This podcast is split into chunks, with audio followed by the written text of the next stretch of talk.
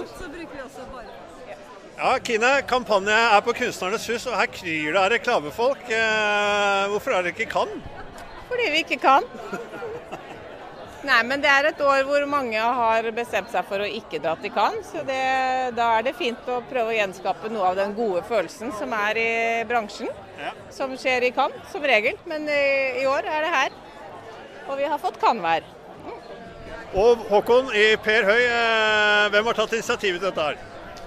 Eh, Det var Anorak som tok initiativet, og vi sa ja. For vi drar jo til Cannes for å henge med disse menneskene, og de er her. Så da, da var det vårt beste alternativ for denne torsdagen. Ja, men er det litt kjipere å være i Oslo enn i Cannes? Og på den franske rivieraen?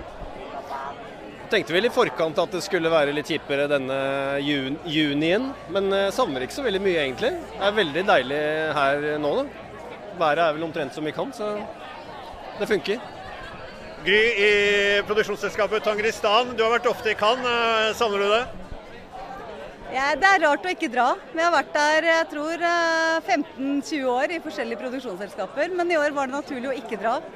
Eh, Det har vært et eh, litt eh, bumpy år, eh, og et spesielt år for mange, så vi følte at det var naturlig å være her. Og når vi ser rundt oss her, så er jo det helt naturlig, egentlig. Ja, Håkon, er det billigere å feste i Oslo enn i Cannes? Eh, kanskje ikke per pils, men eh, alt i alt så er det nok litt billigere. Helt åpenbart.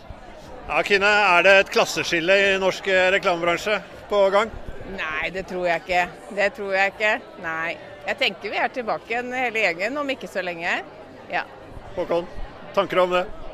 Jeg håper vi er tilbake i Cannes, eh, men man vet jo ikke. Sånne ting kan jo sette seg litt også, så vi får se. Vi får, Det eh, er Cannes vi, som kommer til Slottsparken neste år. Ja, ikke sant? You never know. Uansett, dere får ha en eh, fantastisk eh, flott kveld her eh, på Kunstnernes hus. Ja. Håper det kommer masse mennesker. Det ser sånn ut. Vi gleder oss. takk i like måte. Ha det hyggelig.